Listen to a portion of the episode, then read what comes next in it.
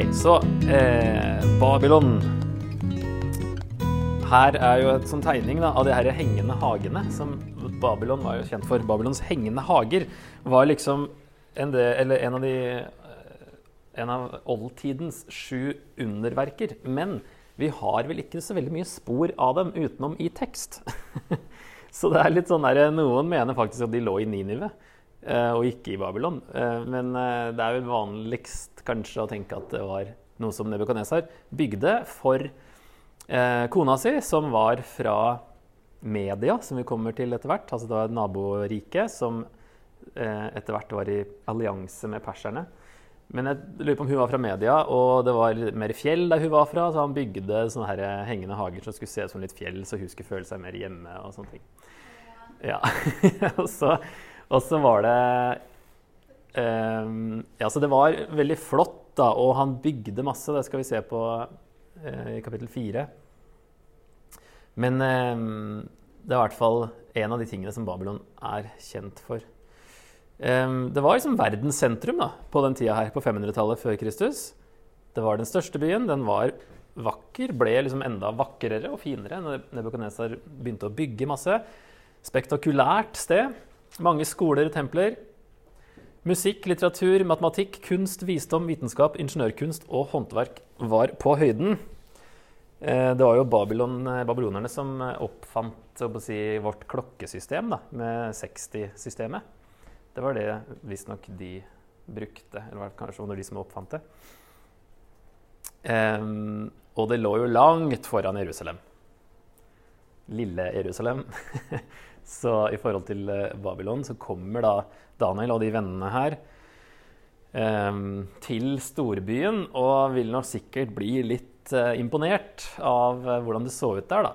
Om de ikke ble imponert av uh, alt det andre, så vil det være noe helt annet.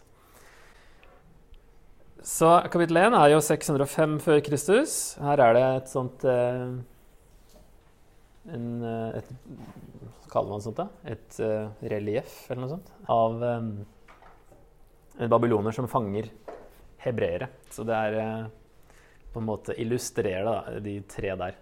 Uh, og han første kan være Daniel og vennene hans som blir tatt i eksil av babylonerne. Og de var jo tenåringer, ble røska ut av sin lille kontekst i eh, Jerusalem og flytta til verdens største by, som da hadde også et helt annet verdensbilde. Andre guder, mange guder og, og så videre. Og i kapittel 1 så leser vi da at de blir gitt status. De skal få gjøre tjeneste i kongens slott og spise ved kongens bord. De var jo Kanskje de var adelige, da, eller i hvert fall så var de fra overklassen, disse gutta og Daniel. Um, sånn at uh, de hadde da vært i kongelige kretser, kanskje, før. Uh, og så uh, var det de som ble tatt nå i første deportasjonen da, i 605, og som da skulle få gjøre tjeneste i et annet hoff.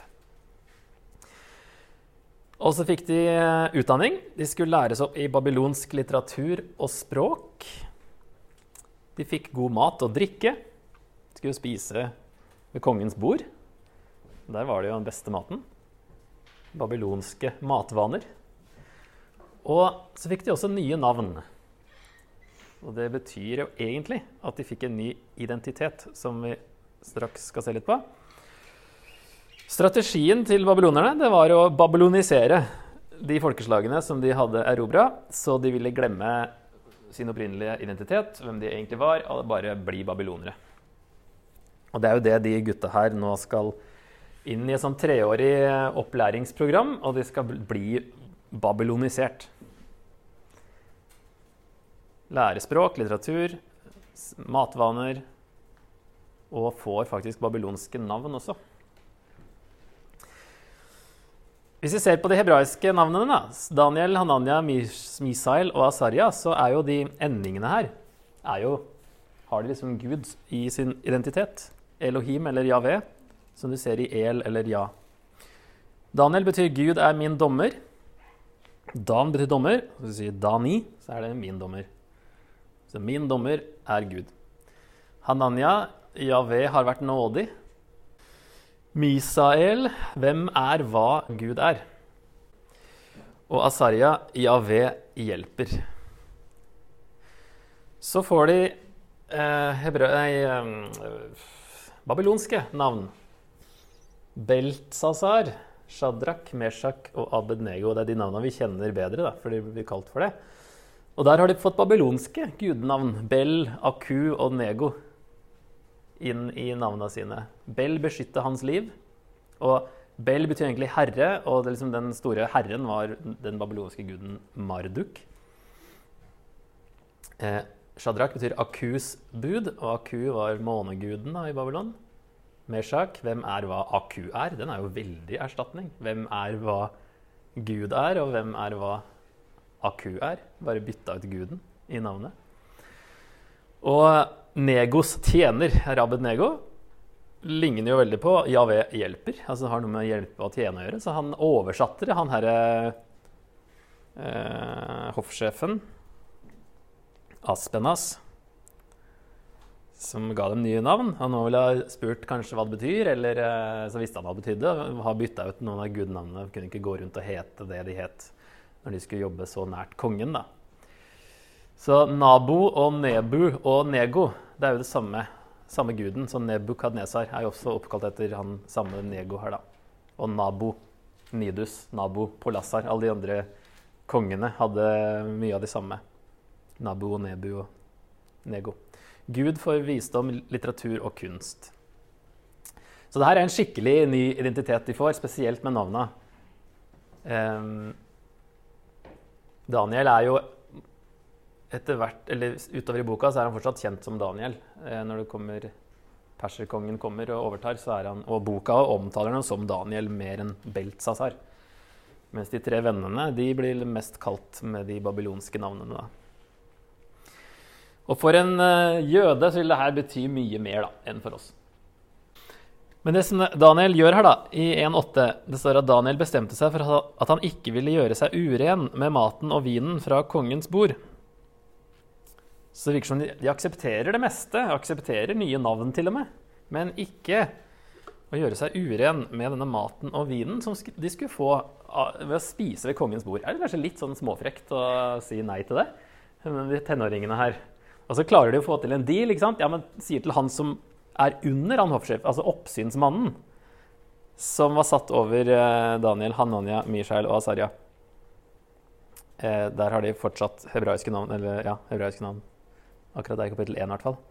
Eh, så ja, test oss i ti dager, og så får vi se. Så det er ikke sikkert at han hoffsjefen noen gang fant ut av det her, men oppsynsmannen var med på det i hvert fall, så de får til det, da. Og eh, uren Altså, det var jo trolig urene dyr, ifølge Moseloven, da, som de spiste. Og så var det nok en link til de babylonske gudene, at det var snakk om sånn avgudskjøtt og avgudsvin, som vi har sett på i Romerne 14 og 1. Korinter 8-10. At uh, vinen ble noe av vinen ble helt ut til en gud først, før man serverte det. At det var et slags offer. Eh, og at kjøttet òg eh, hadde, hadde, vært ofra. Kanskje en del av det, sånn som eh, også israelittene var vant til å gjøre. da. Men eh, med annet, eh, andre guder og annet, eh, andre dyr. Um, Daniel kunne ha tenkt at denne deporteringa betydde at uh, pakten var brutt, og at uh, nå hadde det ikke noe å si. Uh, Gud hadde liksom gitt dem opp. Men han visste at det var Gud som sto bak. Allerede i vers 2 så står det jo at Herren overga judakongen Joakim i Nebukadnesars hender. Så hvis Daniel er forfatteren, så regner jeg med at han uansett visste det samme som forfatteren. At det var Gud som hadde gjort det. Det var Guds vilje. Og vi ser i kapittel 9 at Daniel er veldig på nett med hvorfor de er i Babylon. Han tror ikke at det betyr at Gud har gitt dem opp, men han har skjønt at det er pga. deres synd. Så han er fortsatt eh, trofast. Og familien hans da, hadde jo vært under, og kanskje nær, ettersom de var eh, aristokrati og kanskje adelige sjøl, kong Joshia, som var kongen før eh, Joakim. da. Som eh, Daniel var ganske ung, for så vidt, eh, på slutten av Joshias eh, tid. Men foreldrene hans og mange andre ville jo ha vært under Joshia, en av de aller beste kongene, i ganske lang tid. Han var jo konge i 30 år. Sånn at um, han ville jo ha forma i hvert fall de rundt seg lenge. Og det ville vært med å forme da disse ungguttene også. Fått en gudfryktig oppdragelse. Så det er nok kanskje noe av det som eh, gjør at han er veldig klar på hva som skjer, hvorfor de er der, er der og hvorfor han ikke kan eh, spise denne maten. Så her har vi da en tenåring som på en måte tilbys hele verden av verdens mektigste mann, men han nekter likevel. Han blir ikke lurt av babylonsk propaganda, rikdom og status når han kommer til den storbyen her. Vil han bli imponert på i hvert fall ett nivå, men eh, vet godt hvem han er og sin identitet, og at han eh, fortsatt er eh, en av Guds folk, da, og ikke kan bli babyloner. Sitat av en som heter David Pawson. Your character is formed in small decisions on little issues, which enables you to stand later when the big crunch comes. Det tar litt tid å forme en uh, karakter som står. Og Jesus òg snakka om å være tro i, den som er tro i smått, er tro i stort. Det er de små tingene som er med å forme karakteren din.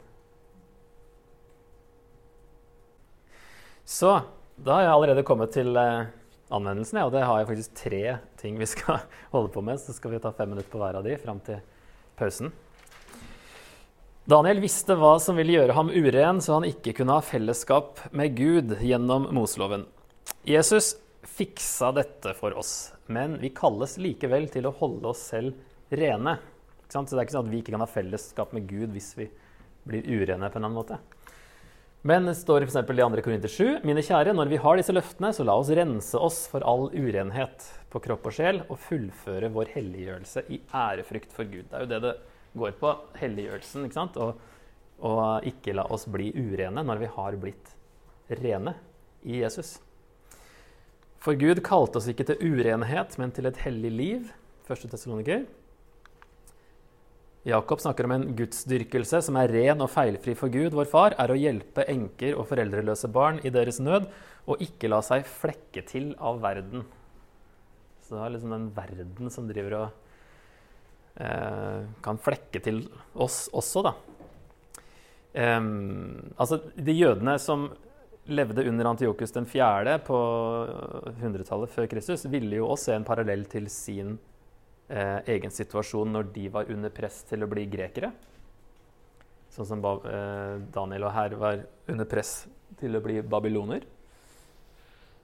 Så det er en klar link dit. Og så har vi òg står vi liksom i en slags påvirkning, ikke like sterk, at vi skal bli eh, noe annet. Men når vi lever det er det boka handler om. Vi, lever, vi, er borgere av Guds rike, men vi lever i et annet rike. Hvordan, eh, hvordan skal vi klare å leve på riktig måte da? Og at vi òg blir påvirka og babylonisert på en måte av verden. Men kanskje litt mer på en, eh, en må, Jeg merker det kanskje ikke da, så tydelig. Det er ikke så åpenbart, kanskje. Um, men det var uh, Dagen, avisen Dagen som gjorde en undersøkelse av aktive kristne i Norge i 2019. Da svarte 27% at det er vanskelig å leve som kristne i Norge. Um, og det kan jo være at man opplever å være under et slags press eller uh, blir oppfatta som fordømmende eller gammeldags eller annet sånt. At det er vanskelig å, kanskje for folk til å forstå det, hva det egentlig er, men at det er et, et, eller annet som gjør det vanskelig. Og for Daniel så handler det om andre guder. Um, for oss er det jo ikke så tydelig avguder, sånn som en statue, men det er andre mer metaforiske avguder. Da, ikke sant? Altså Folk som lager film, folk som lager musikk, alle har et livssyn, og det kommer fram i det som vi ser på og hører på og, og påvirkes av, kanskje uten å tenke over det. Eh, og det er greit å se på ting, men man må være klar over, sånn som Daniel, være klar over eh, hvilket livssyn du har sjøl. Og gå i dialog med det du ser, f.eks. Um, og så er det at vi ikke skal trekke oss unna. Vi skal ikke isolere oss. Så hvordan um, hvordan skal vi gjøre dette her? Et eh, siste vers for så vidt er eh, Romerne 12,2. Innrett dere ikke etter den nåværende verden, men la dere forvandle ved at sinnet fornyes. Der har vi jo den kontrasten. Så spørsmålet er hva gjør deg uren? Har du tenkt gjennom dette og trukket opp grensen, sånn som Daniel hadde? Hvor trekker du den? Og det er lurt å gjøre det eh, på forhånd, tror jeg. Så du vet litt hvor grensa går. Hvordan kan du gjøre dette uten å isolere deg fra verden? Um, den andre ting jeg tenkte på, var at uh, vi ser at Gud lot hoffsjefen få velvilje for Daniel. Ikke fordi han skulle spille en avgjørende rolle i Guds plan, men fordi Gud ville bruke Daniel i Babylon. Det er jo ikke Daniel som, Han er ikke tronarving og derfor må beskyttes. Det er ikke han som gjør at de får komme hjem fra eksilet heller. Men at Gud lot han hoffsjefen få velvilje. Det er tre ganger i kapittelet at det står at Gud ga, står det egentlig. At Herren overga judakongen Joakim i hans hender, i vers 2. Og så er det her at Gud ga velvilje for Daniel til hoffsjefen.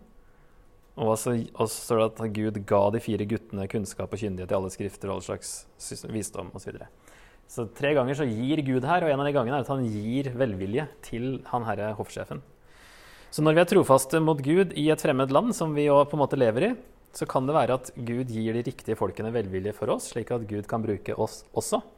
Å leve for Gud er ikke nødvendigvis det motsatte av å være nyttig i verden. Som kanskje, Hvis vi isolerer oss for mye, så blir vi på en måte litt unyttige i verden, men skal vi passe veldig godt på at vi ikke mister troen, f.eks. Så men Daniel er en som ikke isolerer seg, selv om han trekker en grense. Hvordan oppmuntrer eller utfordrer dette deg? Det var det andre punktet. Det siste her Mennesker med karakter er formet, de dukker ikke plutselig opp, er det en som sa. Hvilken rolle kan du spille i å lære opp neste generasjon til å ligne på Daniel? Det er jo tredje, tre ganske forskjellige ting som man kan eh, gripe fatt i her. Og alle spiller jo på en måte en viss rolle i å lære opp neste generasjon. Eh, I vår egen si, menighet eller Мне она очень нравится.